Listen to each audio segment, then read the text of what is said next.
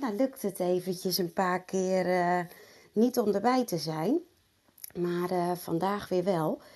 En ondertussen ga ik eventjes Emiel moderator maken. En ga ik ook eventjes de link erin zetten. Want we hebben natuurlijk nog een mooi laatste event. Wat Emiel op 2 april gaat, gaat doen.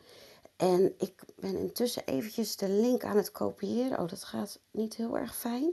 Ik heb hem ergens... Oh, wacht. Ik heb hem ergens neergezet in mijn notities. Zodat ik hem makkelijk hierheen kan halen. we gaan het uh, Personal Power seminar gaat Emiel geven. En dat wordt ook de laatste keer dat hij een, uh, een event gaat doen op deze manier. Dus ja, uniek om bij te zijn en ook heel bijzonder. En dat kan ik je uit, uh, uit eigen ervaring ook wel vertellen. Zelf ben ik er, oh ik moet eventjes denken, wanneer was het? Vorig jaar ben ik erbij geweest in september, 11 september was dat. In uh, Elspet, ook op een prachtige locatie. En we hebben daar zo'n bijzondere dag met elkaar beleefd. Dus nou ja, als je het wil, dan, dan zou ik zeker niet te lang wachten en gewoon lekker dit voor jezelf doen. En uh, Emiel, ik ben eventjes met, uh, met wat huishoudelijke dingen alvast begonnen. Ja, dat is oké. Okay, dan, okay, dan doen we dat dan mooi vast. Ja. En nou, nog eventjes als laatste. Jullie weten inmiddels denk ik ook dat de room wordt opgenomen. Dat jullie dat allemaal terug kunnen luisteren. En vandaag op uh, ja, dag 385, ik heb die nog in mijn telling staan. Ik weet eerlijk gezegd niet meer of het helemaal netjes klopt. Maar het onderwerp vandaag, welke leider ben jij? Dus nou, daar ben ik wel heel benieuwd naar, Emiel, hoe je ons daarin mee gaat nemen. Ja, ik, was eerst, ik moet eerst even mijn excuus aanbieden. Ik was, gisteren was ik namelijk onderweg. En ja, uh, ja ik, ik, vergat de tijd, eerlijkheidshalve. Dus ik kwam pas om tien over drie kwam ik erin. Ik was in gesprek met een aantal Thai mensen hier uh, aan de strand. Ik ben namelijk uh, stukken grond aan het kopen hier uh, on the beach. Okay. En dat gaat natuurlijk om ja, substantieel hoge bedragen. dat doen zich dan ja, op onverwachte momenten doen zich dan mogelijkheden voor. Je komt in één keer in contact met mensen waar je, ja, waar je alleen van kan dromen. alleen dat gebeurt dan. Die hebben dan in één keer andere stukken grond hier te koop. dus werk hier met een andere maatvoering. Bij ons hebben we het altijd over een hectare. Een hectare is 10.000 vierkante meter. En hier praten ze over rijs. Okay. En een rij is 1600 vierkante meter. En uh, ja, ik wil aan het strand wil ik gewoon een aantal huizen bouwen. Uh, dus ik heb een behoorlijk groot stuk nodig. Met een hele grote uh, uitloop naar zee. Dus naar het strand. Dus op het strand zelf, zeg maar als het ware. Maar ik wil gewoon een, uh, ongeveer een 100 meter hebben over de volledige breedte. van het strand. En dan wil ik dat hebben, dus ongeveer een stuk of 100 meter diep. Dus dan praat je over 8, 9 raai. Dus dat is ongeveer een kleine hectare. En daar kan ik dan dus een, mijn eigen huis op zetten. En dan kan ik een kleine stuk of tien uh, huizen opzetten met, met een grondoppervlakte van 500 vierkante meter. Ja. En waarop een huis dan komt van 350 vierkante meter. Plus dan een carport voor twee auto's en een zwembad van ongeveer een kleine 80 vierkante meter. Ja. Zo, dus, en dat is dan ook op het strand, zeg maar als het ware. Dus daar ben ik uh, druk mee bezig. Ik ben momenteel weer teruggereden. Want ik was uh, razend enthousiast over een, uh, over een stuk, over een plot wat ik kon kopen. Maar ja, die Thais die zijn natuurlijk net zo wakker als ik weet niet wat. Dus ja, die, die ruiken dat natuurlijk van verre dat ik te enthousiast ben. En dat, ja, dat moet je gewoon niet doen. Dat is Nee. gewoon stom. En, maar goed, dus ik ben vandaag weer even teruggegaan. Ik ben onderhandelingen begonnen. Dat was tot diep in de nacht. De afgelopen nacht uh, ja, heb ik geboden. Ze hebben gelaten. En nou ja, we komen wel tot een bepaald bedrag waarvan ik denk, nou dat is wel aantrekkelijk. Maar ik, wil, ik heb geleerd van een vriend van mij, Joop van den Berg, een hele goede vriend van mij. Uh, die zei altijd tegen mij: Je moet nooit een beslissing nemen. Je moet altijd 24 uur wachten. Oh ja, je, Joop van ja. het horloge en van de auto. Ja, ja, ja, ja, ja, ja, ja, Ja. dus uh, dat heb je onthouden, Annemiek. Ja, en dat, gisteravond wou ik er een klap op geven. Maar ik denk: Nee, dat doe ik nou eens even niet vannacht. Ik denk er nog eens even 24 uur over na. Hoewel de verkoper zei: Ja, je moet opschieten, want anders is er een andere kopen. En. Weet, En een, natuurlijk, eh, ja. En wordt het een Jopie of wordt het uh, een Emiel? Nee, dus ik heb gedacht, ik, weet je wat, ik doe het nou gewoon eens eventjes anders dan altijd. Want ik koop vaak natuurlijk een kat in de zak. Maar ja, meer natuurlijk geen kat in de zak. Maar wel vaak een kat in de zak. Dan ben ik enthousiast. En uh, ik dacht, nee, ik, uh, ik had vorige week al iets laten gaan van. eh, ik, ik was een beetje afgehaakt op die mevrouw. Ik was helemaal enthousiast. Ik denk, ik koop het. En toen moest ik kennis maken met die mevrouw. En die mevrouw die kwam uit Noorwegen. En eh, ja, dus die zouden dan een klap opgeven eigenlijk als het ware. Maar, maar ik heb er geen klap op gegeven. Ik heb de klap teruggetrokken. Want ik kreeg zo'n slecht gevoel bij die mevrouw. Die mevrouw die gaf gewoon het verkeerde antwoord. En die mevrouw die had de hele verkeerde uitstraling. En, eh, ja, en dan, dan zie je toch weer dat die eh, negatieve ankertjes. Hè, dat je iemand eh, gelabeld hebt met, met piercings of met eh, eh, bepaalde tattoos op bepaalde plaatsen met bepaalde groottes. En haar zoon kwam naar buiten en haar vriend kwam naar buiten en haar vriendin kwam naar buiten. En eh, ja, dat gaf allemaal een beetje incongruentie. En ehm, ja, dan uiteindelijk, eh, ik stelde een vraag van ja, maar hoe zit dat dan met dat toilet wat u daar gebouwd heeft en met die garage die u daar gebouwd heeft? Ja, en toen zei ze natuurlijk iets wat helemaal fout was. En maar vooral met haar non-verbale communicatie. En dat was namelijk dat ze dat er neergezet had. En zonder een vergunningje te vragen. Oké. Ja, en dat is natuurlijk Ja. hier in Thailand. Mag je alles. En eh, je hoeft, eh, ja, de vergunning stelt natuurlijk helemaal niks voor. Maar als je het zonder vergunning bouwt, ja, dan, eh, dan is er wel wat los. Dus ik ben afgehaakt en ik heb gezegd, nou, ik, ik doe het niet. Door- nou, en toen keek die mevrouw ook helemaal verkeerd. Ze keek gewoon helemaal verkeerd. Ze keek gewoon verkeerd. En eh, ze deed verkeerd. Ze begon gelijk het Noors te praten met die, eh, met die makelaar die erbij was. Ik denk, ja. oh, ik moet hier even wegwezen, want dat gaat fout. Ja. Maar goed, dus dit is weer een ander object. Dus een kilometer of twintig verder. Ik heb even gedacht, ja, is dat dan wel eh profitijdelijk? Of is dat dan wel eh, winstgevend? Omdat het dan toch weer drie kwartier verder rijden zo heen. Dus dan praat je over een kleine vier uur rijden vanuit Bangkok. Ja, Ja. nee, alleen de, de, de snelheidstrein komt hier ook langs of aan. Er komt hier, wordt hier ook een station gebouwd.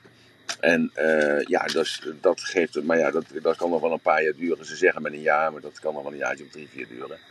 Maar goed, oké. Dus, dat, dus ik was gisteren precies daar middenin. en eh, ja, toen ben ik heel eventjes erin geweest. En eh, ik heb er wat gebrabbeld, geloof ik, gisterenmiddag om tien over drie. Dat ik excuseerde, maar ik, ik kon er gewoon er niet uitkomen. En, ik heb het even teruggeluisterd je hebt, oh. je hebt je netjes even verantwoord en nou ja, excuus gemaakt voor het feit. En weet je, je bent er nu vandaag en, en heb je vandaag heb je, eh, tot een uur of tien voor ons de tijd of hoe zit je? Ja, nee, nee. Ik, ik ben dus weer naar dat, eh, dat beach eh, gegaan, gereden. Dus ontzettend mooi. Het is echt. het is zo mooi omdat het. ja, het is strand, maar aan de andere kant van de weg. Dus aan de overkant van de weg is het echt nog Thailand zoals het 100 jaar geleden was. En dan lopen de karbouwen nog en de kippen lopen vrij rond en dergelijke. En eh, ja, de boertjes die zijn er aan het werk. En ja, dat is wel heel, eh, heel schattig, maar heel snoezig, zou mijn moeder gezegd hebben. Snoezig, die heel- gebruikt altijd het woord snoer, snoezig. En eh, dus dat, dat geeft allemaal weer een... eh, ik zag net dat er een huis te koop stond. Dus ik heb even aangebeld, maar dat werd niet open gedaan. En dus ik heb, eh, hing een telefoonnummer, dus ik heb gebeld, maar dat werd niet opgenomen. En eh, dus ik heb een boodschapje achtergelaten. En ik heb mijn, dat telefoonnummer gegeven aan mijn eh Thaise eh, personal assistant. Dus die eh, heeft opdracht gekregen om even dat even na te bellen. en Wat ze daarvoor rekenen en wat ze daarvoor vragen. En, nou ja, oké, zo kan ik dan een klein beetje een, eh, een, een beeld vormen. En Ja. ja, dat brengt me dus eigenlijk op het eh, woord leider. Hè? Het woord leider. Ja. Ik, eh, eh, eergisteren dacht ik bij mezelf van, ja, laten we het daar eens over hebben.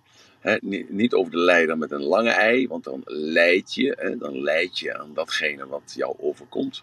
Maar leider met, eh, met een korte ei, met de EI. En ehm, ja, daar wil ik het graag even over hebben, Annemiek. Gewoon eventjes eh, wat persoonlijkheden. Het zijn natuurlijk niet al de persoonlijkheden van leiders. Daarom had ik er in principe ook twee dagen voor genomen. Maar ehm, ja, ik ga ze nou niet afraffen natuurlijk, maar ik ga het wel eh, benoemen allemaal. En dat we dat we morgen dan een ander onderwerp kunnen nemen. En als het eh, niet lukt eh, dit onderwerp af te maken, ja, dan doen we dat morgen nog een stukje. Zo, dus ik, ja, ik, ik, ik herken mij dus in de eerste. Ehm, ja, oh, je, had, je, had alles al gedaan, hè? Dus kan gewoon Ja, misschien is het nog wel eventjes leuk om te benoemen dat mensen, en inmiddels weet iedereen dat ook wel, maar dat je gewoon lekker met ons mee kan praten. Dus wil je zo meteen ergens op reageren, spreek je iets aan en steek lekker je hand op en dan, eh, dan halen wij je naar boven. Dus dat, eh, dat alleen nog even. Verder eh, Ja. ga je gang. Ja, goed. Nou ja, ik, ik heb een aantal leiders heb ik eigenlijk een klein beetje uitgelicht. En ehm, ja, misschien herken je er niet in, maar misschien heb je wel iemand ehm, in je kringen die je wel herkent. en ik wil daar dan dus wat over vertellen, maar ook dan ook wat over vertellen, zodat je dus dan, eh, ja, hoe ga je dan met zo'n man of vrouw in discussie? En eh, hoe, uh, hoe, hoe, hoe, hoe beleeft die man of die vrouw zich eigenlijk, zichzelf? Zodat je daaraan kunt appelleren. Zo, en ik, ik heb een stuk of vier leiders, heb ik even uitgelicht. En uh, ze zijn wel een beetje gechargeerd, hè, dus allemaal een beetje extreem. Ja. Uh, en zodat ze ook herkenbaar zijn. En dan hebben we als eerste de overmoedige leider. Nou, dat, uh, dat herken je misschien in mij wel. Hè? Ik ben dus een, een overmoedige leider. Ik beloof altijd veel en ik ontwikkel tegelijkertijd strategieën of ik doe helemaal niks. En juist die, uh, ja, dat overmoedig zijn, dat creëert heel veel angst en druk bij uh, samenwerkers. En uh, juist zij moeten natuurlijk het uitwerken, want ik werk het niet uit, ik doe het gewoon allemaal. En ik ben me daar ook niet van bewust. Maar dat geeft heel veel druk bij uh, andere mensen die het uit moeten voeren. En er is een overmoedige leider, is zich daar niet van bewust. Want die overmoedige leider die denkt, ja, de, ik heb het toch uitgelegd. Het is duidelijk nu. Dus je moet het gewoon nu even op papier zetten. En je moet gewoon nou even die mensen bellen.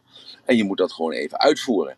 Maar dat is natuurlijk niet zo makkelijk voor iemand die gewend is om het, uh, een soort managertype.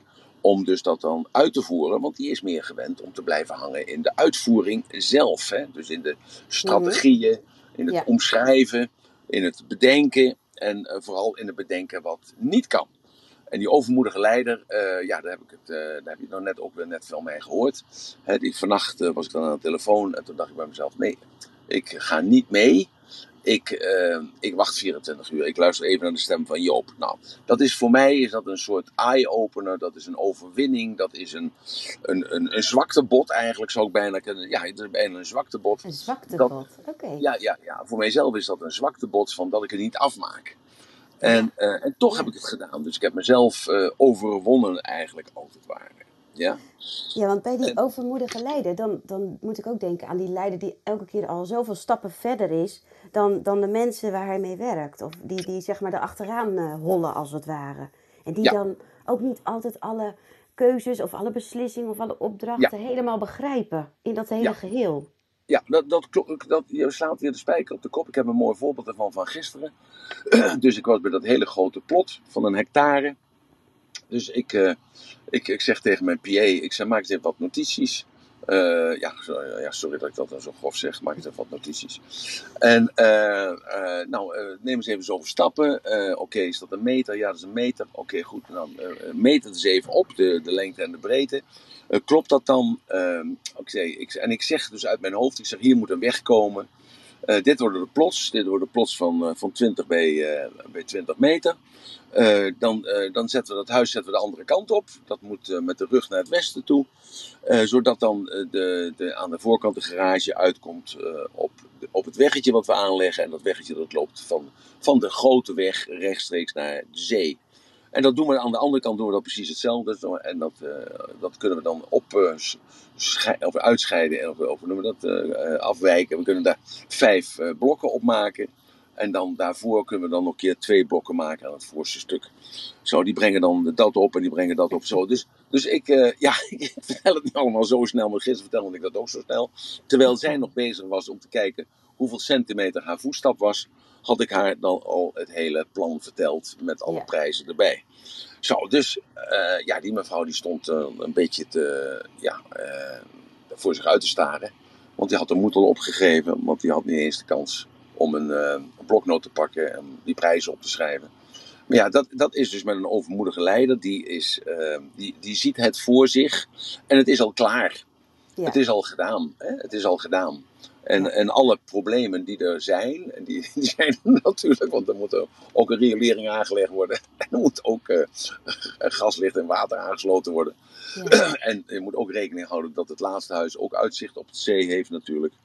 Eh, dus dat, dat, ze dat vroeg zij ook stamelend van ja, maar dan hebben deze mensen hebben geen uitzicht op de zee. Ik zeg nou, dan moet je gelijk even bij de ontbindende voorwaarden zetten dat we dus drie hoog mogen bouwen. Want dan doen we de laatste twee die bij de snelweg zitten, bij de, bij de weg zitten, die doen we dan drie verdiepingen hoog. En de huizen die daar dan voor zitten, die doen we dan eh, twee verdiepingen hoog. En dan de voorste twee huizen, die doen we dan één verdieping hoog. Hè, zodat dan iedereen er overheen kijkt en iedereen dan toch vrij uitzicht heeft. Zo, dus eh, zij dacht van nou, eh, ja, even slim te wezen, ook hartstikke goed natuurlijk. Maar ik had er alweer een oplossing voor. En dat is niet eh, motiverend. Dat is niet motiverend. Ehm, Nee. Maar ja, ik ben in het heet van de strijd. natuurlijk, en dan kom ik weer met allerlei excuses natuurlijk. Maar ik, ik wil alleen even zeggen, dus een overmoedige leider die denkt dat hij het allemaal weet. En dat is natuurlijk niet zo. Nee. Dat is natuurlijk niet zo. En, eh, maar dat is de, de, het beeld dat hij krijgt. En ik ga nu even mezelf na natuurlijk. En hij weet het eh, beter. En hij zal ook wel bewijzen dat hij beter weet.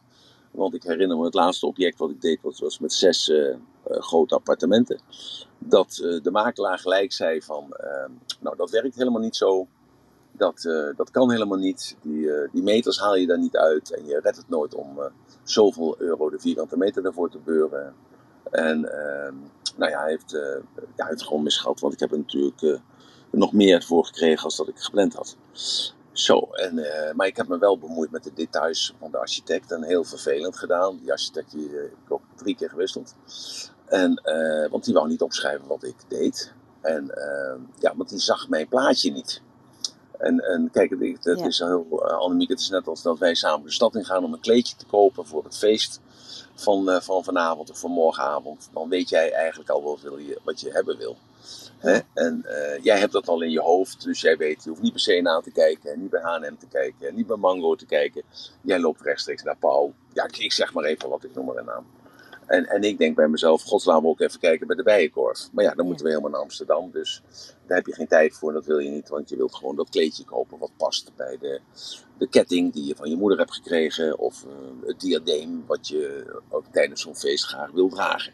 Je Nou, hebt dit een keertje verteld. Dat vond ik zo, zo ook wel een eye-opener. Van dat je dus inderdaad, je, je weet al eigenlijk waar je naar op zoek bent. Je hoeft het alleen nog Ja. maar te herkennen. Ja. Ja. Dat, dat gaf je toen zo, ja.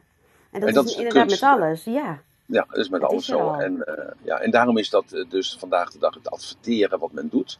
Dus associatief eh, adverteren. Hè? Dus men krijgt een goed humeur. Men kijkt bijvoorbeeld naar een tasje van Louis Vuitton. Nou, dat, dat is eigenlijk met weinig luxe omgeven.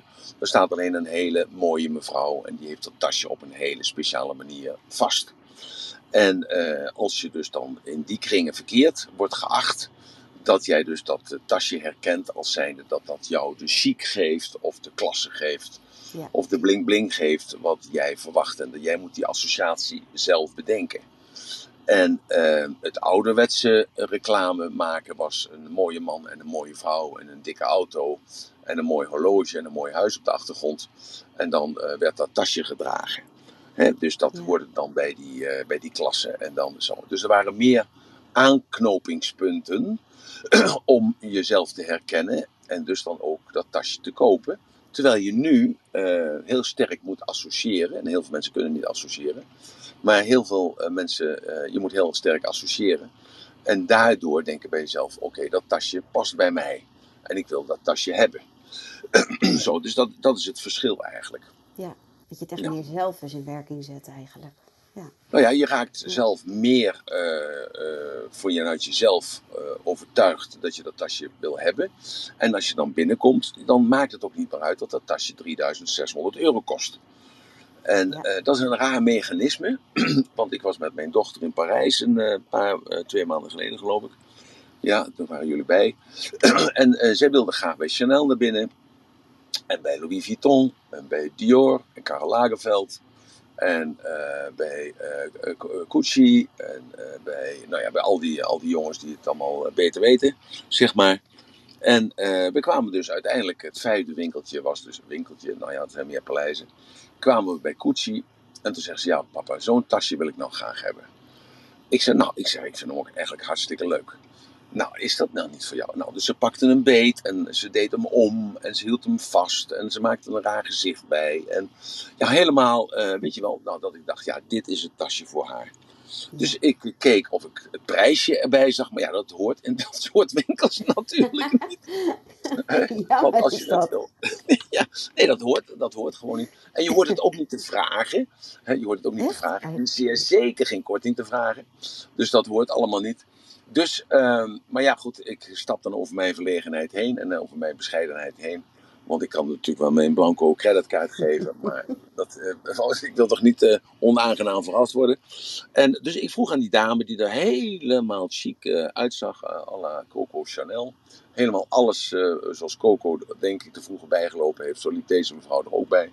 De hele, van die hele leuke slofjes en zo'n kettingje, parelketting om. En oorbelletjes in en het haartje is precies zo. En een colbertje aan en sokjes erbij. En ja, helemaal. Dus mijn dochter die, die gleed bijna weg van de transpiratie wat uit haar lichaam spoot. Eigenlijk. Eh, En zag alleen maar dat tasje nog. Dus ik vroeg heel beleefd aan die mevrouw. eh, eh, eh, eh, Écoutez, mademoiselle, eh, combien c'est la prise de cette portefeuille? Nou, die mevrouw die keek mij aan zo van, eh, wat ben jij een proleet? Maar goed, ik, eh, en zij zei dus eh, 15.000. Ik zeg, eh, 15.000? Ik zeg, 15.000? Ik zeg, ik zeg 15.000? Ik zeg, zijn dat peseta's of zijn dat uh, liers of zo? Of zijn dat Belgische franken? Maar die tijd zijn we natuurlijk al lang voorbij. Het is allemaal euro's. Dus ik eh, liet bijna het tasje van schrik vallen, maar van schrik eh, sprong ik ook gelijk weer op dat ik hem niet liet vallen. Want ik denk, als ik hem laat vallen, dan moet ik hem kopen. Dus ik zei tegen mijn dochter, kost 15.000 euro. ik zeg, eh, wegwezen je. Toen zegt ze, dat valt toch best mee? Oh jemig. Ja, ja, ja, ja, ja. Ik zeg, hoeveel zakgeld krijg jij in de maand? Ja, ze zegt, van jou krijg ik 50 euro. Ik zeg, en van je moeder? Ja, helemaal niks. Ik zeg, nou, ik zeg, dat, dat zijn dus, eh, dat zijn 3000 weken dat jij dus, eh, nee, 300 weken dat je die 50 euro apart moet leggen. Eh, 300 maanden dat je die, Oh. dus dat, eh, nou, dus ze zei, ja, maar vergeleken met het tasje van Louis. En dat vergeleken bij dat sjaaltje van, eh, eh, eh, hoe heet dat, Eh, de, de, de, die, dat geblokte. Dat, Hermes. eh, Of, nee, ja. Nee, hoor, nou, dat, die, die geblokte sjaal. Ja, en ja, van Hermes is er. Ja. Stond een tas van 150.000 euro. Dus daarbij vergeleken. Ja, en dan, ja, dus dan ga je gewoon in de fout. Dat, eh, dat kun je wel zeggen zo. Ja. Maar helaas. Ik, Maar eh, goed, we gaan van dit uitstapje naar inderdaad het visualiseren en het herkennen, gaan we weer terug naar het leiderschap. En, ja, en je was bij de overmoedige leider. ja. en, nou, eh, dat is dus dat heel moeilijk om met die man. Ja, het is heel moeilijk om met die man samen te werken. Eh, dus eh, dat weet ik natuurlijk voor mezelf ook wel. Hè? En, eh, want hij, hij weet het al voor zichzelf. En dan Ja. moet het allemaal zo gebeuren zoals hij zegt. Nou ja, dat heb je zelf ook een paar keer meegemaakt, Annemiek. Ja. En dan, eh, ja, dan, dan is het toch dat het niet meer past, zeg maar, als het ware in deze tijd. Hè? Ja, En, ja. ja, of misschien juist wel, dat, dat zou je natuurlijk ook over kunnen strijden. Want wie heeft er nog de visie vandaag de dag van de politici? Ja. Eh, hè? Of eh, zakenmensen, of eh, ja. Nou, ik denk wel dat het een hele mooie combinatie van eigenschappen is. Van dat juist die vooruitziende blik, die snelheid, dat doorpakken en alles, dat dat juist heel krachtig is. Maar wat ik heel interessant vond, jij noemde net tussendoor, noemde jij dat, dat, dat even gas terugnemen en nadenken, stilstaan, even het zwaktebod, waarbij zij, dan heb ik ook dat stemmetje van ik moet het afmaken. Ja. En, en dat vind ik dan een interessante. Van wat, wat eh, drijft die overmoedige leider om deze karaktereigenschappen zo krachtig neer te zetten?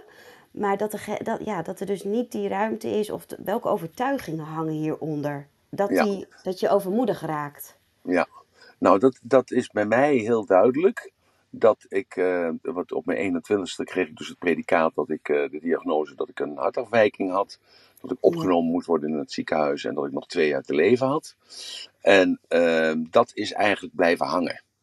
Dus ik ben toen eh, ook eh, verdwenen uit het ziekenhuis. En ik had toen nog twee jaar de tijd om het bedrijf op te bouwen. Dat heb ik dan ook gedaan in die twee jaar. Een jaar later heb ik me weer laten karakteriseren. Toen was het over.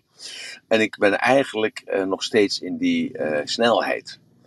Dus het, het gaat niet om het doel te bereiken, maar het gaat eigenlijk, en dat heeft een overmoedige leider heel veel, het gaat meer om de actie dan om het resultaat. En in de actie uh, creëert hij zijn uh, moment van succes. En vanuit dat uh, moment van succes wordt dat vliegwiel van emotie en van kracht en van, ehm, ja, van afwijkende meningen eigenlijk als het ware, wordt daardoor gesterkt. En uh, ja, als er dan kritiek komt of er komt mislukking op het pad, en dat is natuurlijk heel vaak gebeurd, ja. dan is er wel die, uh, die, uh, die innerlijke um, herstelling. Dat, ik denk dat dat zo is, ja. ja, ik, dat, ja, dat is zo. Dus de innerlijke herstelling dat er niets te groot is, of niets te hoog is, of niets te ver is. Niets is te moeilijk, het is altijd overwinbaar. Ja. En uh, dan, dan ben je alweer uh, drie kwart onderweg, hè, dat is epigenetica natuurlijk. Dan ben je alweer drie kwart overweg, onderweg, want dan, uh, ja, dan, dan zie je dat al niet zo zoals andere mensen dat zien. Je blijft niet hangen, je, je gaat voort. De negatieve kant daarvan is natuurlijk dat als je het succes bereikt hebt, wat je dan uiteindelijk dan toch nagestreefd had, dat dan dat eigenlijk gebadineerd wordt, wordt gekleineerd. Van zijnde van, ja oké, okay, dat was dan een resultaat. Ja. En dat resultaat en is. Uh, en we gaan door. Ja, ja we gaan verder. Ja, dat, dat, en dat hoeft niet altijd per se hoger te zijn of verder te zijn. we hebben die discussie gehad over het, het aantal uren in, uh, voor het seminar voor 2 april. Nou, ja, David zei van het moet niet langer zijn dan 6 uur. Want mensen kunnen dat niet langer volhouden vandaag de dag. Ik zeg, nou, ik denk, ik denk dat je de mensen onderschat. Ik zeg, maar buiten dat, ik zeg, het gaat om dat de kennis overgedragen moet worden op een ja. bepaalde wijze, zodat het ook toepasbaar is. En daar heb ik gewoon minimaal 12 uur voor nodig. is het niet meer? Nou, en eh, een aantal mensen hebben al een keer een seminar bij mij gevolgd, dus die, eh, die weten er al iets van. Maar goed, het uh, zal natuurlijk nu ook weer een andere inhoud hebben en ook weer een stukje herhaling natuurlijk. Dat is altijd zo. Ja. En uh, ja, dan heb ik die 12 uur ervoor nodig. Nou, en heel veel mensen die denken van nou, dat heb ik ook gelezen, ook in de, in de backroom en in de chats en op de mails van ja, maar luister maar, ik, ik hou dat niet vol, ik, ik kom niet. En als het uh, drie dagen, drie keer zes uur was geweest, dan was ik wel gekomen. Maar in één dag uh, 14 uur onderweg te gaan, dat, dat hou ik niet vol. Dus ik, kom niet. Zo, dus, en, dat, dat, en ik denk dan van ja, maar dat is zonde van je tijd. Want wat kun je in, die, in twee andere dagen, wat kun je allemaal doen? Dus laten we het afmaken in één dag. Zo, dus dat is een. En, en dat is ook iets natuurlijk, hè, dat je dus een, een overmoedige leider heeft een, heel veel uh, problemen met afwijkende meningen. En uh, dat heeft niet te maken dat als iemand een afwijkende mening heeft, dat hij dan meteen afgeserveerd wordt.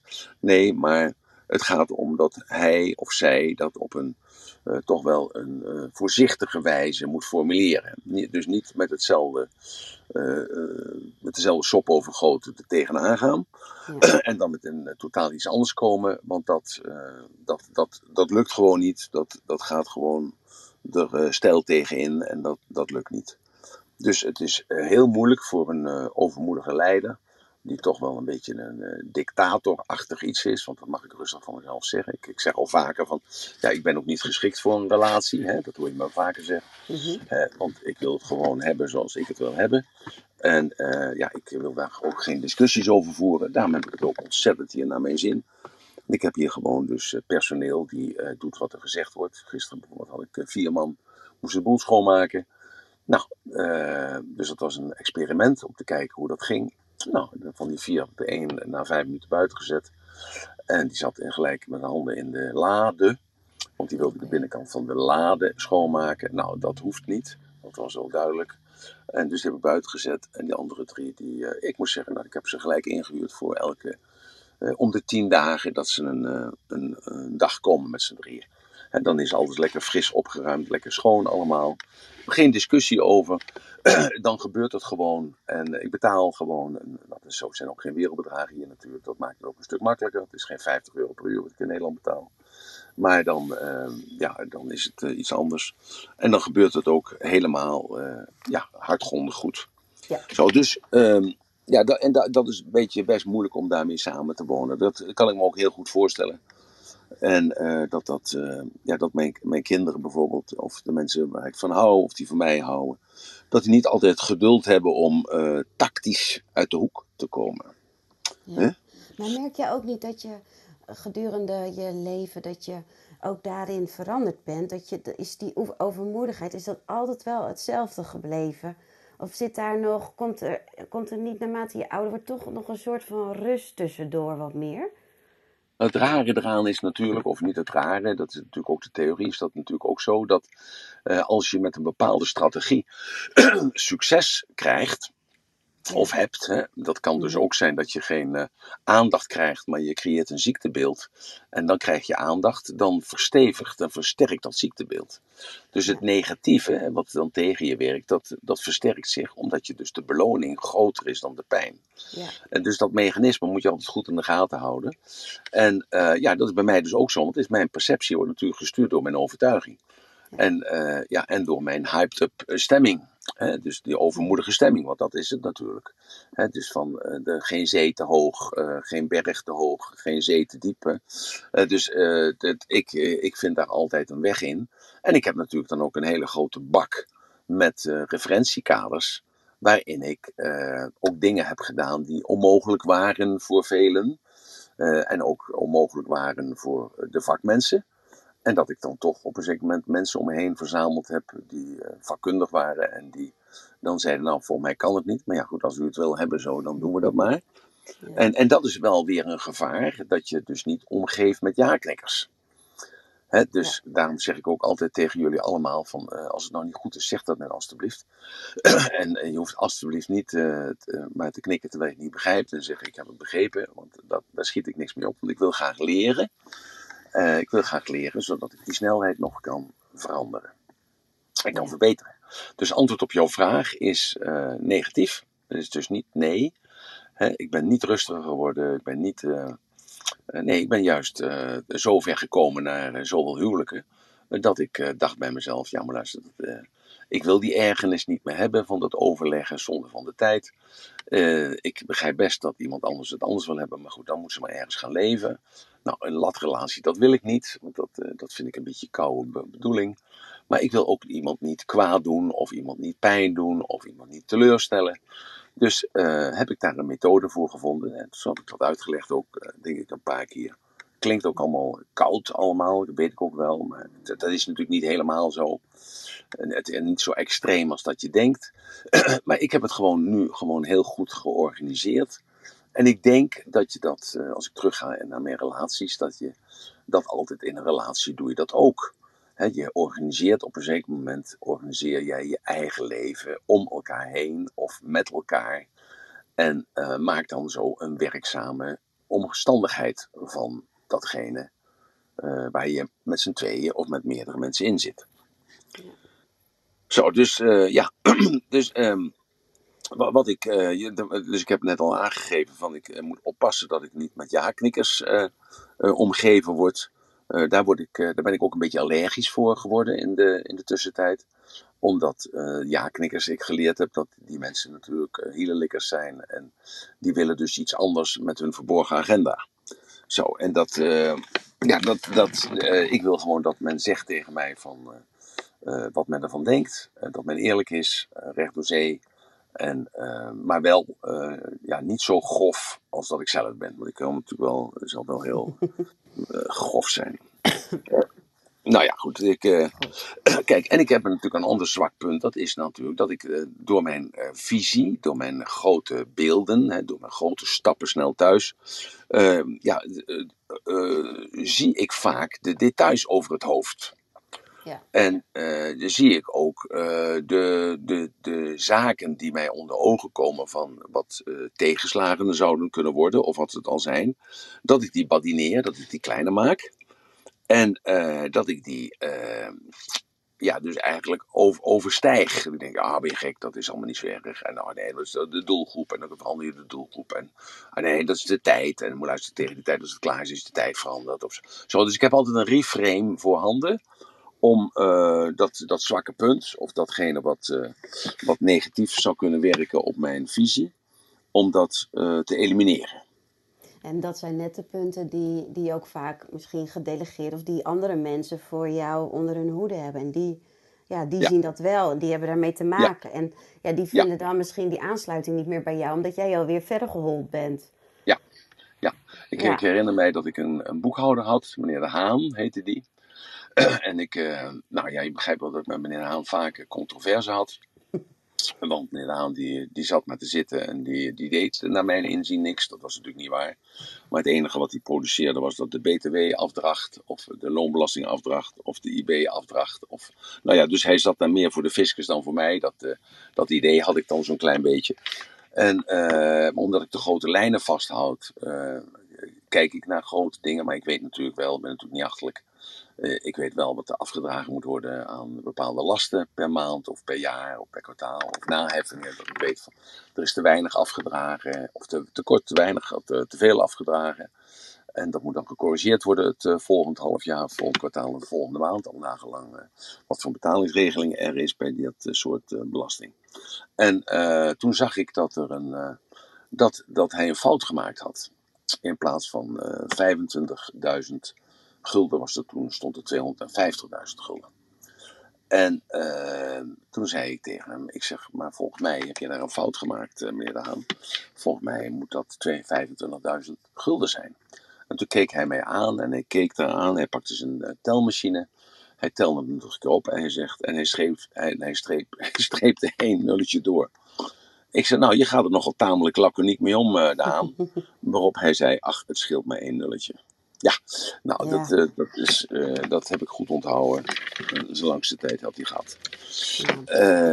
even, oh ja, Martijn is op het podium, want ik zit intussen even ik zat even te vogelen, want ik kreeg je niet uh, bij ons op het podium, Martijn, maar het is gelukt. Wat fijn. Emiel, zullen we even naar Martijn gaan? Ja, graag, graag, graag. graag. Ja. Goedemorgen. Goedemorgen. Goedemorgen. Hey, beke bekende stem, hè? Bekende stem.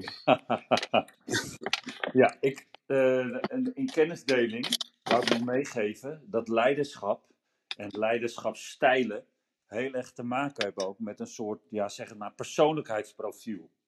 Ja. En Um, er is een prachtig op de I Ching gebaseerd model. Dat heet Talent Dynamics. En dat, uh, ja, daar ben ik ook uh, flow coach, zoals dat heet, in geworden. Want ik werd er heel erg door geïnspireerd. En wat jij nu aangeeft, Emiel, uh, jouw manier van leiderschap, dat noem je in dit model de creator. Degene die ja. nieuwe dingen manifesteert. En die ja, eigenlijk al verveeld wordt als het nieuwe ding ja, er staat. Hè? Dan, moet er weer, dan moet er iets anders gebeuren. Dan moet er een ander uh, iets gemanifesteerd worden. En uh, nou, wat, dat zijn dan ook mensen, en als het goed is, herken je erin, die wat vragen stellen. Wat gaan we doen? Wat moet er gebeuren? Dat soort dingen. En zo heb je in dit persoonlijkheidsprofiel acht soorten, ja, zeg maar, archetypes. Want niet iedereen is natuurlijk het geheel. En het gaat er eigenlijk om dat iedereen een genius is in die leiderschap. Dus het ene leiderschapsstijl is niet beter ook dan een andere, maar iedereen is gewoon een genius. En ik zeg altijd ook maar, je moet niet een, uh, een vis een berg laten beklimmen, maar je, en je moet niet een geit in het water zetten.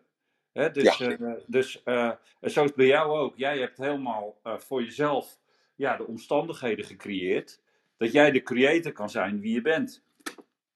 Ja, dat klopt. Ja, dat is waar. Dat, heb je, dat zeg je heel goed, ja. ja. En als het goed is, ga je dan mensen om je heen verzamelen die bij wijze van spreken die stap die jij wil zetten, um, ja, zeg maar, verder brengen. He, die als jij het neergezet hebt, uh, zorgt dat het verder komt. En als, dat noem je ook inflow, outflow. En als jij als creator outflow bent, ja, dan ben je alleen maar nieuwe dingen aan het verzinnen die nergens landen. Hè? Dus, dus zo kun je heel mooi met dit uh, profiel zelf ook kijken wat voor soort leider je bent. Wat voor manier jij uh, ja, zeg maar daarin wil uh, ja, kunnen acteren. En, en niet ja. iedereen is een creator. Dus uh, sommige mensen worden helemaal gek van al die wat-vragen. Die willen juist de hoe-vraag beantwoord hebben. En sommige mensen willen de wanneer-vraag beantwoord hebben. En ja. ja, dit, dit heeft mij enorm geholpen om met heel veel ander soort mensen ook om te kunnen gaan. Dus dat, dat wou ik nog even uh, ja, toevoegen. Ontzettend uh, goed uh, trouwens, Martijn. ja, dankjewel voor deze aanvulling. Dat is heel verhelderend. En ik denk dat andere mensen dat ook wel herkennen. Hè? Ik, ik doe dat dus eigenlijk ook zo. Ik heb altijd hele goede mensen om me heen. die mij in een bepaalde klus dus dan helpen door ervaring wijs geworden weet ik dat ik bepaalde mensen uitnodig om mee te denken of mee te doen.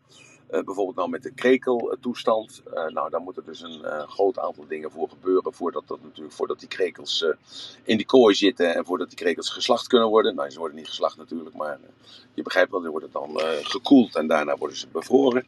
En daarna worden ze vermalen of ze worden tot, tot vlees gemaakt. En ja, er moeten heel veel details gebeuren. Nou, dat, dat, en in die details ben ik natuurlijk, ja dat los ik natuurlijk zo op, maar dat, daar gaan natuurlijk, wordt, gaat heel veel dingen mee fout mee. En daar heb ik uh, hele goede mensen voor die dat, die dat doen. Maar ik hou wel de lijn vast. Ik hou wel de lijn vast. Want uh, de, de, en, en dat is het, het moeilijke aan mij. Tenminste, dat denk ik. Uh, ja, dat ja, mag ik rustig zeggen, dat is best moeilijk. Dat ik, uh, ik ben en een visionair, maar ik ben ook een detailist. Dus ik heb ook heel veel verstand van een detail. En daar, ik, ik, kan ontzettend infocussen op een detail. En, uh, ja, en daar wordt men vaak heel vervelend van, want dat is dus dan zijn of haar gebied. En het is leuk dat, ik jou, nou, dat je nou even naar boven bent gekomen, Martijn. Hè? Ook in verband met het, wat je gisteren hebt gedaan hier in de room. Het was fantastisch, het was heel mooi. We hebben heel veel positieve berichten op gekregen. Maar ik werd gisteren gebeld over de documentaire. En uh, de, de, de, regisseur, de producent, regisseur-producent, die had een idee. want namelijk, uh, de, de documentaire is bijna af. Er, moeten nog een, ja, er moet nog wat, wat losse eindjes moeten vastgemaakt worden. Maar het is zo moeizaam en zo moeilijk om te laten zien wie ik ben. En uh, omdat er zoveel verschillende persoonlijkheden zijn.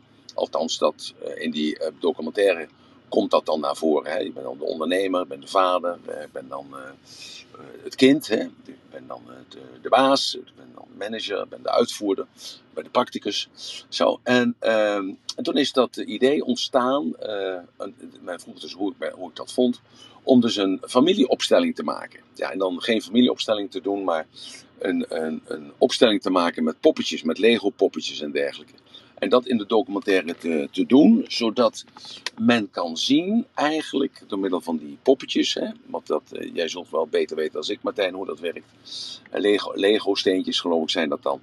Uh, om te laten zien van waar komt die motivatie nou eigenlijk vandaan. Want dat is natuurlijk het, het wonderbaarlijke. Ik weet dat wel voor mezelf, maar dat komt er niet altijd uit. Van waarom reageer ik nu zo fel op bijvoorbeeld op dat grensoverschrijdend gedrag?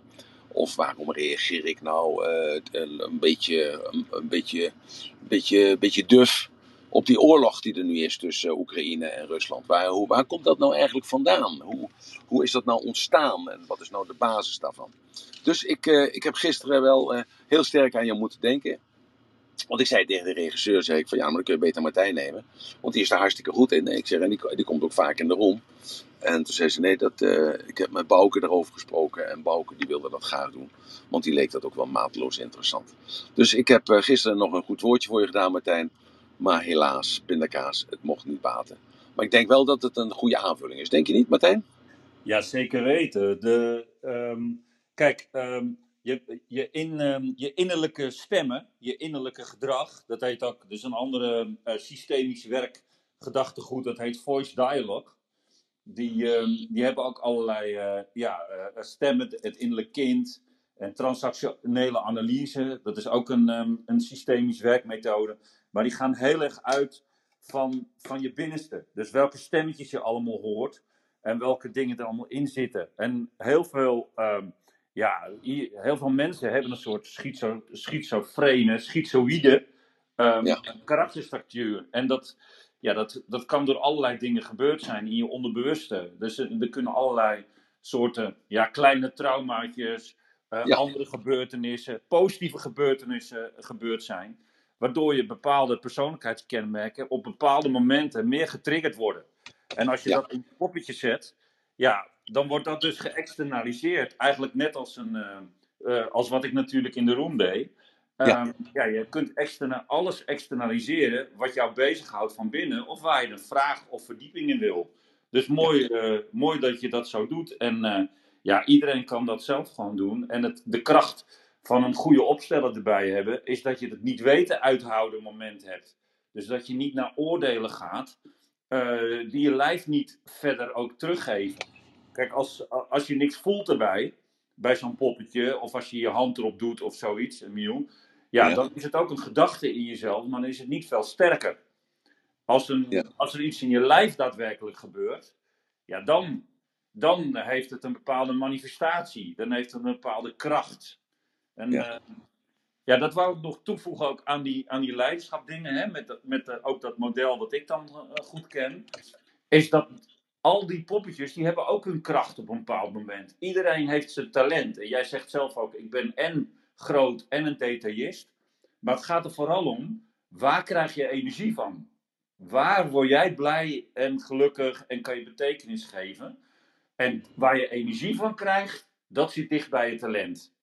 Als jij goed bent in details, maar het kost je toch energie, ja, dan is dat toch iets minder je talent. Snap je wat ik bedoel?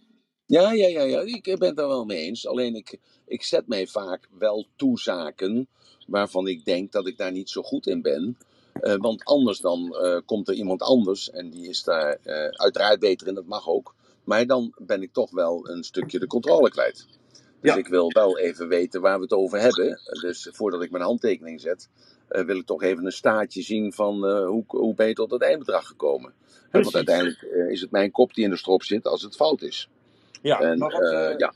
wat veel mensen doen, die hebben wel een bepaald talent, maar in hun werk ehm, gaan ze vooral energie besteden aan dingen om die controle en dat soort dingen. En dan lek je energie. Dus als je Ja. niet je talent leeft, wat jij dus wel voor een deel doet, maar daarnaast, doordat dat energie geeft, heb je energie over om dus te zorgen dat je kop niet in die strop komt. Maar je hebt heel wat mensen die besteden bijna 80% van hun werk aan dingen die hun energie kosten. Nou ja, Ja. dan weet je wat eh, dat burn-outs en dat soort dingen in het verschiet liggen. Dus, dus eh, je hebt gewoon je energiehuishouding in, eh, ja, in orde te houden. En dat betekent dat je ook in je leiderschap je talent hebt te leven. Maar goed, dat is dus natuurlijk weer ken u zelf. Ja. En eh, dat, dat ken je zelf, dat is eh, geen theoretisch model. En ook geen theoretische weg. Althans, dat is mijn ervaring. Nee, absoluut niet. een, een gewoon doen en eh, gewoon op je snuffert gaan en daarvan leren. En dan denk ik bij jezelf, ja, past het wel of past het niet bij mij? En dan op die manier gewoon met vallen en opstaan word je dus dan ouder en leer je jezelf beter kennen. En gaat het ook allemaal makkelijker. Want dat is natuurlijk wel zo. Het, eh, de dingen die je dan doet op eh, oudere leeftijd, die, eh, ja, die deed je vroeger ook, maar die, die waren altijd moeizamer. Dus, en, en dat is dus eigenlijk een beetje het, het voordeel als je ouder wordt. Dan kun je veel meer dingen doen in minder tijd. En hou je meer tijd over om weer nieuwe dingen te doen.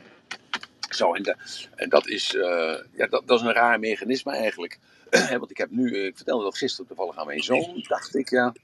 Of een, nee, dat vertelde ik aan een vriendje hier die ik hier tegenkwam. En toen vertelde ik van, eh, ja, hij zei van, eh, ja, ik heb alleen maar vrienden die ouder zijn dan ik. En dat zijn allemaal zo'n beetje tussen de 70 en de 75 jaar. En hij zegt, het is zo vreemd, want jij hoort daar ook bij. Ik zeg, nou, ik zeg, ik ben helemaal geen 70 of 75. Hij zegt, nee, zegt hij, maar eh, je bent het wel, want je hebt wel de, de ervaring en de wijsheid. Hij zegt, maar ja, door jouw doen en laten eh, lijk je gewoon 50 of 55. Zo dus. eh, en we kwamen in dat gesprek en toen zeg ik tegen hem, ik zeg, het rare is, eh, Hendrik, dat ik moet eh, zeggen nu, dat ik nu pas regelmatig terugdenk aan mijn opa. Dus ik kom dus in die leeftijdsfase van mijn opa. En dan denk ik terug en dan, en, en dan nu pas realiseer ik mij wat de dingen die hij zei, of de dingen die hij deed, of de dingen die hij probeerde te voorkomen, welke betekenis die hadden. En eh, in plaats van die te veroordelen, eh, wat ik mijn, eigenlijk mijn hele leven heb gedaan, eh, ging ik dat nu in één keer begrijpen. En ja, en toen gisteren, ik was, op, ik was even aan het kijken op het strand. Ik liep over het strand, ik wilde eventjes dat eh, plotgrond zien van de, van de zeekant af. En het was net app. En ik gleed me toch uit, jongens. Oh, het was echt, jongen. Ik zat helemaal onder de modder en helemaal. Maar ik maakte me schuif, want ik had zo mijn nek wel kunnen breken. En toen pas realiseerde ik mij van, ja maar luister, maar ik doe elke morgen die tai chi. Als ik dat toch niet gedaan had, dan had ik gewoon eh, mijn bekken gebroken. Of misschien wel een nek gebroken. Of in ieder, in ieder geval een, eh, een been gebroken. En toen, toen moest ik weer terugdenken aan mijn oma. Dat mijn oma dat ook elke morgen deed. En dat die nog gewoon op haar eh 86ste nog haar grote tenen in haar mond kon steken. Zo, dan, dan kan ik ook nog steeds. Maar goed. Nou, dus, uh, ja. Too much uh, details uh, nu hoor, de, Emiel. Nee, grapje. Wat zeg je? Ik zeg nee, dat is even iets too much uh, detail. Uh, jij met je tenen in je mond, dat, uh, hè? maar, hey, maar ik denk, ik ga er eventjes tussen komen. Want het is, ja. het is prachtig wat jullie, wat jullie bespreken. En ook een hele mooie aanvulling van Martijn. En ik denk zeker wat je nu aanhaalt vanuit je opa en vanuit je oma. Dat dat zo mooi is dat je straks met die familieopstelling aan de gang gaat. En wie weet wat je daar zelf nog in mag, mag vinden en mag voelen en mag bewegen. Maar ik denk, ik ga het eens eventjes nog terugbrengen. Want we begonnen deze mooie room. En als ik het goed heb begrepen, wilde jij vier type leiders met ons bespreken. Ja, maar we komen en... niet aan die vierde toe. Dat heb ik al gezien. nou, dus, in mijn uh... berekening zijn we nu nog bij de eerste. Kan dat kloppen? Ja, we zijn overmoedigen. Ja. Ja, we zijn bij de, oor, bij, de, bij, de, bij de eerste, bij de overmoedige leider. En ik hoop Ja. dat er een aantal mensen zijn die zich daarin herkend hebben. Ik weet wel dat er een, eh, een paar mensen die ik ken in de room, eh, die, eh, ja, ik zal ze niet bij naam noemen, maar die, die vallen, vallen bij mij wel in de, in de typologie van de overmoedige leider. En dan, ehm, dan kom ik bij persoonlijkheid nummer twee, dat is de impulsieve leider. Hè? Dat is dus de impulsieve leider die zich helemaal het overweldigen en geprikkeld wordt door innovatie of de nieuwste rage die hij of zij ziet. En eh, ja, die wil alleen maar die adrenaline van het pionieren hebben. En eh, gewoon wil dus die, die, eh, de voortrekker zijn. En die wil dus elke keer het nieuwste van het nieuwste hebben. En als je daarmee samenwerkt, ja, die trekt dus alle energie uit je. En dat is net wat Martijn zei. dus als je een impulsieve leider heeft, die kan gewoon met, met per vijf minuten kan die veranderen. En die, eh, ja, dat, is heel moeizaam om daarmee te werken. En je moet die snelheid hebben van, eh, die hij of zij heeft. En dat zijn er maar heel weinig. En eh, ja, dus deze die, die is echt in het moment. En doen dan ook alles in het moment om de klant, maar ook de medewerkers, maar ook de aandeelhouders eh, tevreden te maken, te stellen, te houden op dat moment. Dat, en doet daar dus ook beloftes voor. En, en eh, ja, werkt zichzelf zo op die manier in de, in de nesten. Hè? Want eh, hij is alleen maar bezig eigenlijk om zijn, weer het nieuwste van het nieuwste wat omhoog borrelt. Wat, wat een conclusie is uit iets wat hij gelezen heeft of gehoord heeft. Of wat hij gezien heeft. Om dat weer eh, door te geven aan zijn organisatie. En zijn organisatie die, die, die kan daar niet mee overweg. Het is heel moeilijk om met een impulsieve leider om daarmee samen te werken. Ik heb dat eh, één keer mogen doen bij NEC. dat NEC was een, eh, dat was toen de tijd, ik weet niet of dat nog steeds is, dat was een hele grote leverancier van eh, beeldschermen. En eh, geen televisies, maar beeldschermen voor computers. En eh, deze man die was heel impulsief. Het was een, een, Zuid-Duitser en hij zette met de Benelux het meeste om van de hele wereld. Dus dat was een hele prestatie van de eerste orde. Maar hij had een, een, een, een verbranding achter zich. En een verbranding, dat bedoel ik medewerkers. In, in sales, nou dat was echt. Ja, dat was echt gewoon dat, dat, ik, dat, eh, dat ik dat al vreselijk vond. Nou, dat, wil wat zeggen. En eh, ik herinner me nog dat ik de opdracht kreeg om eh, mensen te motiveren, om de agenten allemaal bij elkaar in het Okura Hotel te motiveren om een bepaald model screen, hè, dus eh, ehm, eh, hoe noemen we dat nou? Ja, screen, dat is best een beeldscherm, te kopen. en ik, eh, we hadden het eerste seminar eh, voor de medewerkers en zes weken later zouden we het hebben dan met die medewerkers die dus dan wisten waar we naartoe gingen. Eh, en er was 60% van die medewerkers waren in de tussentijd ontslagen en vervangen door andere mensen. Zo, dus dat is met impulsieve leiders is dat zo. Die, die verbranden dus mensen om zich heen. En dat is ook wel heel leuk om dat te horen, denk ik. Eh, dat eh, mensen zeggen vaak, ja, maar die CEO die krijgt eh, 200.000 of 300 of 400.000 euro per jaar. Hij krijgt aandelen en die aandelen mag hij verkopen als hij weggaat. En, zo. en ik wil alleen maar zeggen, kijk, zo'n CEO die aangesteld wordt bij een hele grote beursgenoteerde onderneming, die kennen maar één kunstje. En eh, dat zijn of marketeers, of het zijn opruimers, of het zijn innovators, of het zijn impulsieve leiders, of het zijn die overmoedige leiders. En die hebben maar een, tijdspanne, krijgen die van, van maximaal twee, drie jaar. En in die twee, drie jaar moeten ze dus de organisatie omturnen naar hun specialiteit. En na die twee, drie jaar, dan worden ze gewoon uh, ja, weggedegradeerd. Dan kunnen ze vertrekken. En dan, uh, dan zitten ze gewoon weer jaren op de bank. Voordat ze dus weer ergens anders aan de bak kunnen. Omdat ze, ja, als ze bij de Philips hebben gewerkt, dan kunnen ze natuurlijk niet bij, uh, bij Samsung aan de slag of bij iPhone aan de slag. Hè?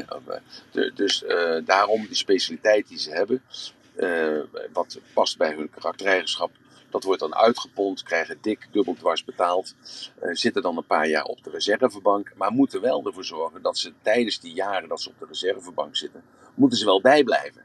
En ze moeten bijblijven wat er, wat er verandert in allerlei uh, managementstructuren en managementstrategieën en in aanpakken en in, ja, in, in, uh, in, in gewoon in, in bewustzijn van mensen. Ja. In de hele wereld zelf. Hè? Want, ja. want als je ziet wat er verandert uh, heel snel, dat is, kijk, kijk nu even wat er nu verandert bijvoorbeeld met, met zelfbedieningswinkels die dus nu een aantal producten niet kunnen krijgen omdat het te duur is voor de inkoop. Of dat de fabrikant het niet kan leveren omdat hij uh, ja, geen grondstoffen krijgt. Omdat het eindproduct niet kan maken. Je ziet het al met auto's en dergelijke. Maar uh, dat, dat vergt natuurlijk een heel ander soort leiderschap bij die supermarkt inkooporganisatie. Die vroeger enkel alleen maar prijzen naast elkaar neerlegde. Ja. Uh, wist van, uh, we hebben van Calvé hebben we vier soorten pindakaas. Heel vroeger hadden we er maar één en nu hebben we er vier. En Nutella hebben we nog steeds uh, één soort, maar we hebben wel verschillende soorten verpakkingen. Nou, daar kun je dan op inkopen. en nu in één keer moet die inkoper agressief de markt op. Want de, ja, de olies of de, alle producten die met olies te maken hebben, die zijn gewoon niet te krijgen. Nee. Het ja, gaat of... volgens mij meer een gunfactor worden voor jou als klant. Nee, degene, de, de, de, de, hoogste prijs. Degene die het, het bedrijf heeft die het, het meeste geld op uh, in de kas heeft zitten, die kan dus nu kopen. Want de, uh, misschien herinneren jullie je nog wel, een uh, half jaar geleden of een jaar geleden, dat meneer Albert Heijn een aantal producten niet had. En die had die producten niet omdat hij de prijs niet wilde betalen. En Nestlé was dat. Ja, ik kan het zeggen, Nestlé, ja. Ja. ja. en Nestlé en Unilever zeiden van ja, maar luister jongen, wij, wij moeten gewoon uh, zoveel cent hebben voor dat uh, pakje roggebrood of voor die mayonaise. En als je dat niet wilt betalen, ja, dan houdt het allemaal op. En dus, hij, dus zij werden gewoon, uh, ja, ze weigerden gewoon om te leveren. Zo, dus je kunt je wel voorstellen, dus de manier waarop dus toen die inkoper zich gedragen heeft naar die verkoper toe van Nestlé of van Unilever, dat is nu bepalend voor of hij wel of niet krijgt. Ja. Want hij heeft maar een, een beperkte hoeveelheid uh, kan hij maken. En hij moet dus in een andere markt moet hij kopen. En die markt is natuurlijk, die past zich onmiddellijk aan. Dat merk je ook aan de benzineprijs. En dat merk je dus onmiddellijk. Die markt, dat is gewoon net een golf. En dan, oké, die, die prijzen worden ook gelijk aangepast en worden gehoger. Ja, en, en die inkoper van de, van de supermarkt, of dat nou de Jumbo is, of de Lidl, of de Aldi, of de Albert Heijn, uh, die hebben daar dan mee te maken en denken van, ja, maar luister mij, ik kan mijn mayonaise, die ik normaal gesproken voor 89 cent per tube verkoop, kan ik nou niet in één keer voor 1,49 gaan verkopen. Ik kan dat niet maken. Maar ja, maar je kunt ook niet zeggen van, ik ga geen mayonaise in een tube verkopen. Nee. Of, of eh, snap je? Dus, dus er is een hele ander type inkoper voor nodig. En een, een heel ander type directeur voor nodig die zo'n bedrijf leidt. Ik heb jullie wel eens vaker verteld dat ik getraind heb bij de Jumbo en ook bij de Albert Heijn. En er is een hele andere cultuur. Dus ik heb ook verteld dat ik een ABN AMRO getraind heb, ook de ING, de Nederlandse Middenstandbank. Er zijn, er zijn hele andere culturen. Er zijn hele andere soorten klanten. Zijn hele andere, andere soorten mensen die leiding geven. He, kijk naar politieke partijen. Ik zat gisteren nog even te kijken. Ik zag uh, Volt bijvoorbeeld. Ja, dat zijn allemaal uh, een soort jonge lui, een soort D66-typetjes. Die nu een, een, nieuwe partij beginnen. Dus D66 zal het daar heel moeilijk mee krijgen om een nieuwe aanwas te krijgen. Want die Volt, die hebben precies dezelfde uh, wensen eigenlijk. Alleen op een andere manier, iets ja, dynamisch. Met fris leiderschap waarschijnlijk. Ja, met fris leiderschap. Ja, ja, ja, ja. ja. Grappig dat je dat, uh, dat, je dat zegt. Wij hebben, we hebben gisteren hier natuurlijk ook in Ermelo de verkiezingen gehad. En ik ben betrokken geraakt bij een nieuwe partij. En we zijn gewoon de tweede grootste geworden na de CDA. Nou, Echt nou. bizar. Had niemand verwacht. Vijf zetels van de 21. Nou. nou. Ja, nou eens kijken. En ben je wethouder geworden of zo? Of eh, Nou, dan gaan ze vandaag eh, uitvogelen, maar ik stond nummer 9 op de lijst. Dus in principe eh, niet voor de raad of iets dergelijks. Dat, nou ja, ik, ik weet het nog niet zo goed. Het is voor mij ook een compleet nieuw avontuur. Dus ik, ik ga het beleven. Maar goed, in ieder geval, we gaan in ieder geval vanuit dat we van Ermelo op visite komen in het, in het gemeentehuis, dat we in ieder geval koffie van jou krijgen. Toch? Ja, daar zal Of je eh, mag dat persoonlijk niet meer eh, geleverd worden? Nee, nee, Ja? daar moeten we natuurlijk wel heel voorzichtig mee zijn, Emiel. dat kan niet. Maar we hadden wel een 1 Ermelo koffiemelange. Daar hebben we mee op de verkiezingsmarkt gestaan. Dus misschien is dat wel de, de toverspreuk geweest. Wat zegt je? Was even weg. Wacht even, je was even weg. Ik zeg, we hadden met de verkiezingsmarkt afgelopen zaterdag... had ik voor onze partij had ik wel een hele mooie eigen 1 Ermelo eh koffiemelange gemaakt. Dus we hebben onze eigen koffie daar geschonken. Oh, leuk. En, eh, dus nee, het was hartstikke gaaf. Maar wat een verrassing dit. Maar zo zie je maar, dat sluit wel aan ook op wat jij nu vertelt. Ja, dus kijk, Ja. dat is dus die, die impulsieve leider. Hè? En eh, dus ja, die, die creëert geen rust, creëert geen vertrouwen, eh, creëert onrust. En als hij dus mensen aanneemt die bij hem passen, hè, die, waar hij zich senang bij voelt, waar hij denkt van ja, dit is mijn bloedgroep, ja, dan is dat eh, bedrijf eh, snel ter ziele. Hè, kijk Ja. bijvoorbeeld naar bijvoorbeeld Musk. Hè, die heeft in de combinatie met elkaar, dus is natuurlijk ook een Ja, dictator. onder, wat voor, ja, onder wat voor leider schaar je hem? Dat is ook een, ja, dat is een, een, een visionair. En eh, die heeft een visionair, maar hij heeft ook dus de details. Hè. Hij weet heel goed eh, welke popjes hij moet verzetten. Maar hij weet ook heel goed hoe hij de beurs kan manipuleren door middel van één Twitterberichtje. Weet ook heel goed waar hij mee bezig is en waar hij over zwijgt. Bijvoorbeeld hè, is dus dat, eh, dat ruimtevaartprogramma waar hij mee bezig is. Ja, om ervoor te zorgen dat de hele wereld eh, met, op wifi aangesloten is. En eh, ja, dat doet hij omdat hij eh, ook weet dat dat politiek heel eh, gevoelig ligt. Dus daar blijft hij onder de radar. En dus hij is ook heel geslepen. Natuurlijk een heel geslepen jongen. En ja, hij is heel creatief. Hè. Hij heeft er, heeft er ook voor gestudeerd. Creativiteit gestudeerd. En, en dat gebruikt hij. En, en zijn voornaamste gave is natuurlijk dat hij de juiste mensen om zich heen trekt. En dat, eh, dat kun je rustig wel stellen. Want hij, eh, het lijkt wel of hij, overal bezig is. Maar die mensen, die, eh, de specialisten zeg maar als het ware. Bijvoorbeeld je kijkt naar de fabriek die nu gebouwd wordt in Duitsland. Ja, ik heb zelf voor Volkswagen AG gewerkt. Dus dat is de, de holdingmaatschappij. Nou, dat, ik kan je dat vertellen. Ik kan je daar een boek over schrijven. Voordat daar een beslissing genomen wordt. Dat duurt ongeveer een kleine drie tot vier jaar. En dan hebben we het niet over eh, beslissing van eh, nieuw automerk. eh, hoe gaan we van benzine naar elektrisch? Nee, dat duurt gewoon drie jaar. Want tot en met de vakbond moet zich daarmee bemoeien. Ja, die jongens hebben er natuurlijk helemaal geen verstand van. Die hebben alleen maar één belang. En dat is van hoe hou ik mijn werknemers, ja, hoe hou ik die in toom? En zorg ik ervoor dat ze contributie betalen. Een beetje negatief gezegd, maar goed, maar daar gaat het natuurlijk uiteindelijk wel om. En, ja, dat, en, en je ziet dus nu ook met die elektrische auto's dat, dat de westerse automaatschappij, die eh, als, wij- wereld, als, eh, de westerse autowereld, volledig steken laat vallen. En, want die zijn aan het ombouwen van, elek van benzinevoertuigen naar elektrisch. Terwijl juist de, Koreaanse merken, Hyundai met name, dat die dus gewoon zeggen: nee, we maken een hele nieuwe auto. Dus die borduren niet voort op het oude. Nee, die zeggen: oké, hup, we zetten aan de kant en we borduren een nieuwe auto. Dus de beste elektrische auto is een Kia. En ik geloof dat ik dat wel eens eerder verteld heb. Dat zij dus een hele designteam hebben ze verhuisd naar, Afrika, eh, naar Zuid-Frankrijk. En dus die hebben dus heel veel Europese invloeden. Hebben zij tot zich genomen van eh, stokbrood tot eh, korte rokken tot een terrasje pakken. Wat, allemaal, wat ze allemaal niet kennen in eh Seoul. Daar is de warm of te koud voor. En dat komt tot uitdrukking in dat nieuwste eh, model van de Kia. En wat dan ook de beste, eh, niet alleen de best verkopende auto is momenteel, maar ook de mooiste auto is, eh, gekozen is van de wereld.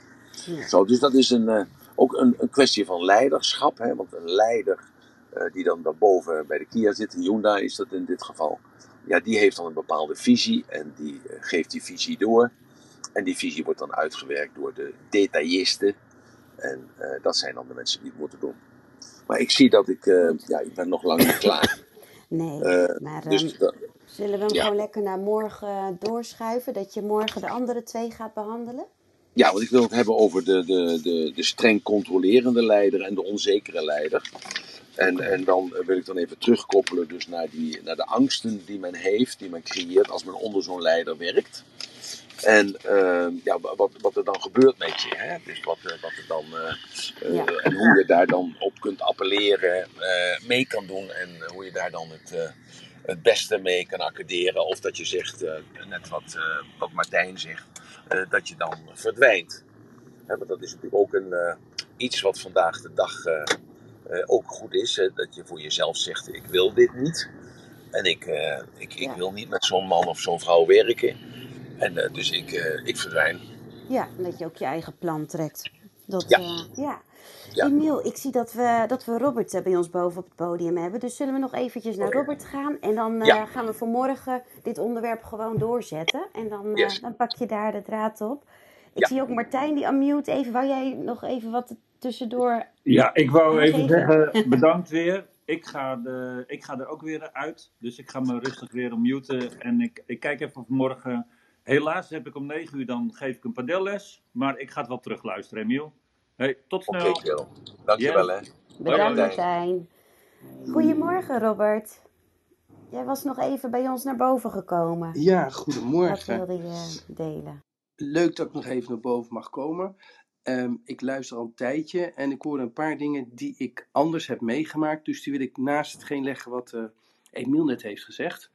Ehm, ik begin met het laatste wat ik hoorde. Dat ging over VAG, Volkswagen, die drie jaar lang gaat over het maken van een eh, beslissing, een besluit. Eh, het aardige is, ik heb een keer de voorstand van Volkswagen mogen ontmoeten. En eh, toen ben ik met hun in gesprek gegaan. Dat was nog destijds meneer Piech. En wat Volkswagen zo onwijs goed doet en wat ook het leiderschap van deze meneer onder andere aangeeft, want hij deed dat natuurlijk in een team, is dat zij al heel snel, dat is al zeg maar in de tijd dat ze nog eh, British Leland als hele grote concurrent hadden, ze hebben al heel snel ingezien dat zij afhankelijk zijn van de mensen in de fabrieken. Dat wordt natuurlijk wel steeds minder, maar het is nog steeds zo. En die mensen in de fabrieken die hebben, zijn, worden vertegenwoordigd door een vakbond, dat kennen we ook in Nederland. En die vakbond, eh, die eh, vereniging van die vakbond, het is daar net iets anders, die zitten in de voorstand, dus in de directie van Klopt. Ja. Dus, dus bij grote besluiten weet de, de, de directie al dat eh, waar zij hun besluit op moeten aanpassen om te zorgen dat de mensen in de fabriek eh, meegaan met de besluiten. En- mag, ik even, mag ik even wat zeggen? Ja. Eh, eh, het is ook zo, helemaal waar. Alleen je praat over een ander soort leider. Want hij was, hè, Pierre was de familielid hè, van de Porsche. Zat er zelf ook met geld in. En hij was toch eigenlijk, kunnen we toch ook wel zeggen, een soort Einzelganger. Een soort dictator in zijn aanpak. Dus eh, ik heb het over eh, drie jaar geleden dat ik daar geweest ben, met de voorstand heb gewerkt. En eh, ik kan je vertellen dat, eh, dat de flexibiliteit die er toen bij hem was, toen kon je dus gewoon, konden ze nog gewoon terugkomen op een eerder genomen beslissing, dat dat nu gewoon een soort mammoetanker is geworden. Want ik heb een aantal eh, Nederlandse leden gesproken, die werken daar vlak onder de voorstand in Wol- Wolfsburg. En die zeiden, maar luister Emil, het is, het is geen doen. Het is geen doen. De flexibiliteit die onder Pierre was, die, hè, de betrekkelijke flexibiliteit die er onder hem was, die is helemaal verdwenen. Oké, Dat wil ik even. Ja, leuk. Dus dat, dat, dat, toen was er dus een ander tijdperk, hè? Ja. Ja. Ehm, en dat andere wat ik hoorde was de Albert Heijn of de Jumbo, die bepaalde, eh die Nestlé niet meer wilde verkopen. Ehm, ehm, ja, ik, ik zie dat toch iets anders. Het is, vroeger was het zo dat de producenten bepalen de prijzen. Dus Nestlé bepaalt de prijs van het pakje eh, wat ze maar verkopen eh, Ja. in de supermarkt. En tegenwoordig is dat anders. Dat is al een jaar of tien zo. Albert Heijn is natuurlijk niet Albert Heijn meer, maar het is de Delhaize. Eh, en die bepalen de prijzen. Dat betekent, je mag als Calvé potje pindakaas leveren onder je eigen merk. Maar dan moet je het wel doen voor een bepaalde prijs. En wat Albert Ja. Heijn erop legt, is een Albert Heijn. Ja, Hè, dus die, dat evenwicht klopt is helemaal veranderd eigenlijk. Ja, nee, dat, eh, eh, dat is van de, van de ene kant naar de andere kant toe gegaan. Er is helemaal geen evenwicht meer in. Dat uh, ook een hele goeie van jou. Alleen, het, het is zo, mag ik moet even de auto draaien, Robert, want ik ben de verkeerde weg opgeslagen. En dat is natuurlijk niet de bedoeling. Ehm, wat er natuurlijk nu aan de hand is, is dat ik, en dat wilde ik eigenlijk even benadrukken, dat die inkoper die, van, van de Jumbo of van Aldi of van Albert Heijn, dat die nu een hele andere functie krijgt. Want die mag blij zijn dat hij nog producten krijgt. Dus hij heeft helemaal niks meer te, te eisen. Dat, dat is eigenlijk wat, ik eigenlijk wilde, duidelijk wilde maken. Dus dat in één keer de karaktereigenschap van een, van een goede inkoper vorig jaar nu in één keer een slechte is geworden.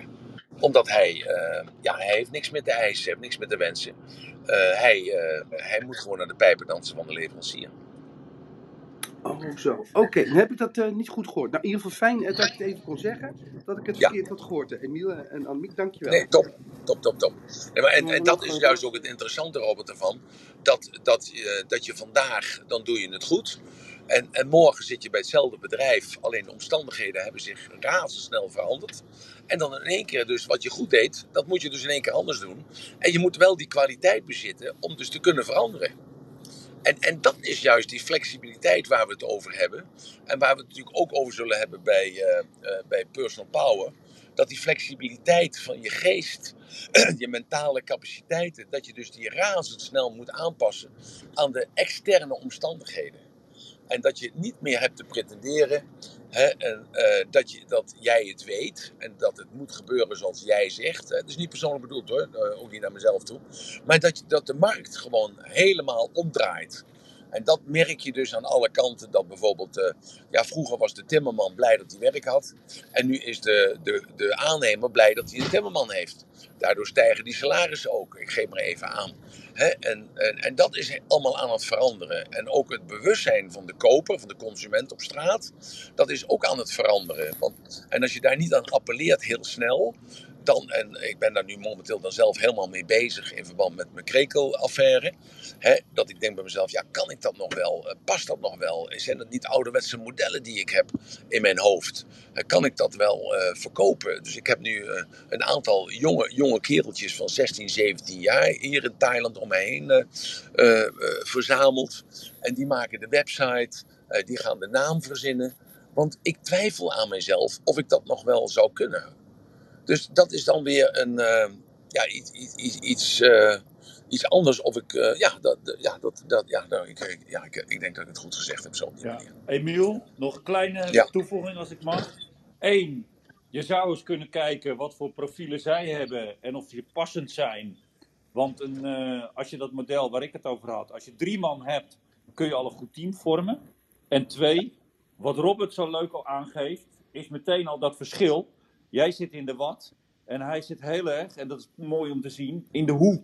Hij heeft heel erg eh, de hoe-vragen gesteld en de details daarin. Dus, dus ik vond het heel mooi hoe dit gesprek al, ook tussen jullie twee, aangaf hoe verschillend je naar de wereld kan kijken. Dus dat, Ja. eh, dat wou ik nog even meegeven. Ja, maar ik, daarom ben ik ook zo dankbaar dat Robert vaak eh, komt en wat toevoegt, verbetert, aanvult. En, want dat is zo waardevol. En ik, ik, ik refereer ook heel vaak aan hem. Dat, dat weet hij denk ik niet eens. Hè, want dan is hij er zelf niet bij. En dan zeg ik, ja, maar Robert zei eh, vorige week nog dat en dat. En ik heb erover nagedacht. En ja, hij heeft toch wel eh, gelijk hoor. Dus eh, Robert, dat eh, nog eventjes. Je bent nu in de, in de room, dus eh, dat moet ook even gezegd worden. Hè? Ja, Dat, eh, wat een talent, ontzettend Robert. waardevol. Ik, eh, ik respecteer het enorm. Wat een talent. Heel waardevol. Heel waardevol. Oké, eh, Annemarie. Eh, mijn batterij is bijna op. Ik probeer nu uit het, eh, uit hier uit het dorp te komen. Ja, mooi moment voor de gereden. afronding. Zullen Ja. we het, het ratelbandje daarmee afsluiten en, en morgen weer lekker verder gaan waar je hier bent gebleven? Ja, dat gaan we doen. Dankjewel. Nou, ik hoop dat jullie lekker weer hebben, net als wij hier hebben. En eh, nou, dank jullie wel voor jullie tijd, energie, aandacht en weer deze fantastische rom te mogen maken samen met elkaar. Dankjewel Robert en Martijn, en jou natuurlijk Annemiek. Hè? En te horen dat je op één na grootste politieke partij hebt in Ermelo, ja, dat is weer fantastisch. Dankzij jouw inzet. Helemaal super. Nou, nee, ik ga mezelf daar niet. Ik ben eh, erbij betrokken, maar er zijn mensen heel druk mee geweest. Dus ik ben Nou. eh, meer aan de zijlijn. Dus dat eh, wel eventjes duidelijk. Oké. Nou, het ratelbandje voor vandaag is eigenlijk... eh, ja, we hebben het eh, gehad over die twee leiders. Hè, de overmoedige leider en de impulsieve leider. En ik, ik zou je willen vragen eigenlijk van... eh, eh, denk daar nou eens over na. En wie in jouw directe omgeving, hè, dus je partner bijvoorbeeld, of ja, gewoon, of je kinderen, of je- misschien wel je baas of je chef, waar zou je die onder willen scharen? Zou je die willen scharen of die overmoedige leider, of zou die willen scharen onder die impulsieve leider? En dan tegelijkertijd bedenken van oké, eh, wat heb ik nu vandaag opgestoken? En wat zou ik, eh, en hoe zou ik, en eh, waarmee zou ik makkelijker of beter kunnen communiceren met die persoon? Nou, dat zou, is eigenlijk het ratelbandje voor vandaag. Dank jullie wel voor jullie tijd, energie en aandacht. En hopelijk tot morgen. Dank je wel, Annemieke. Doei, doei. Graag gedaan. Fijne avond en dag. Doeg.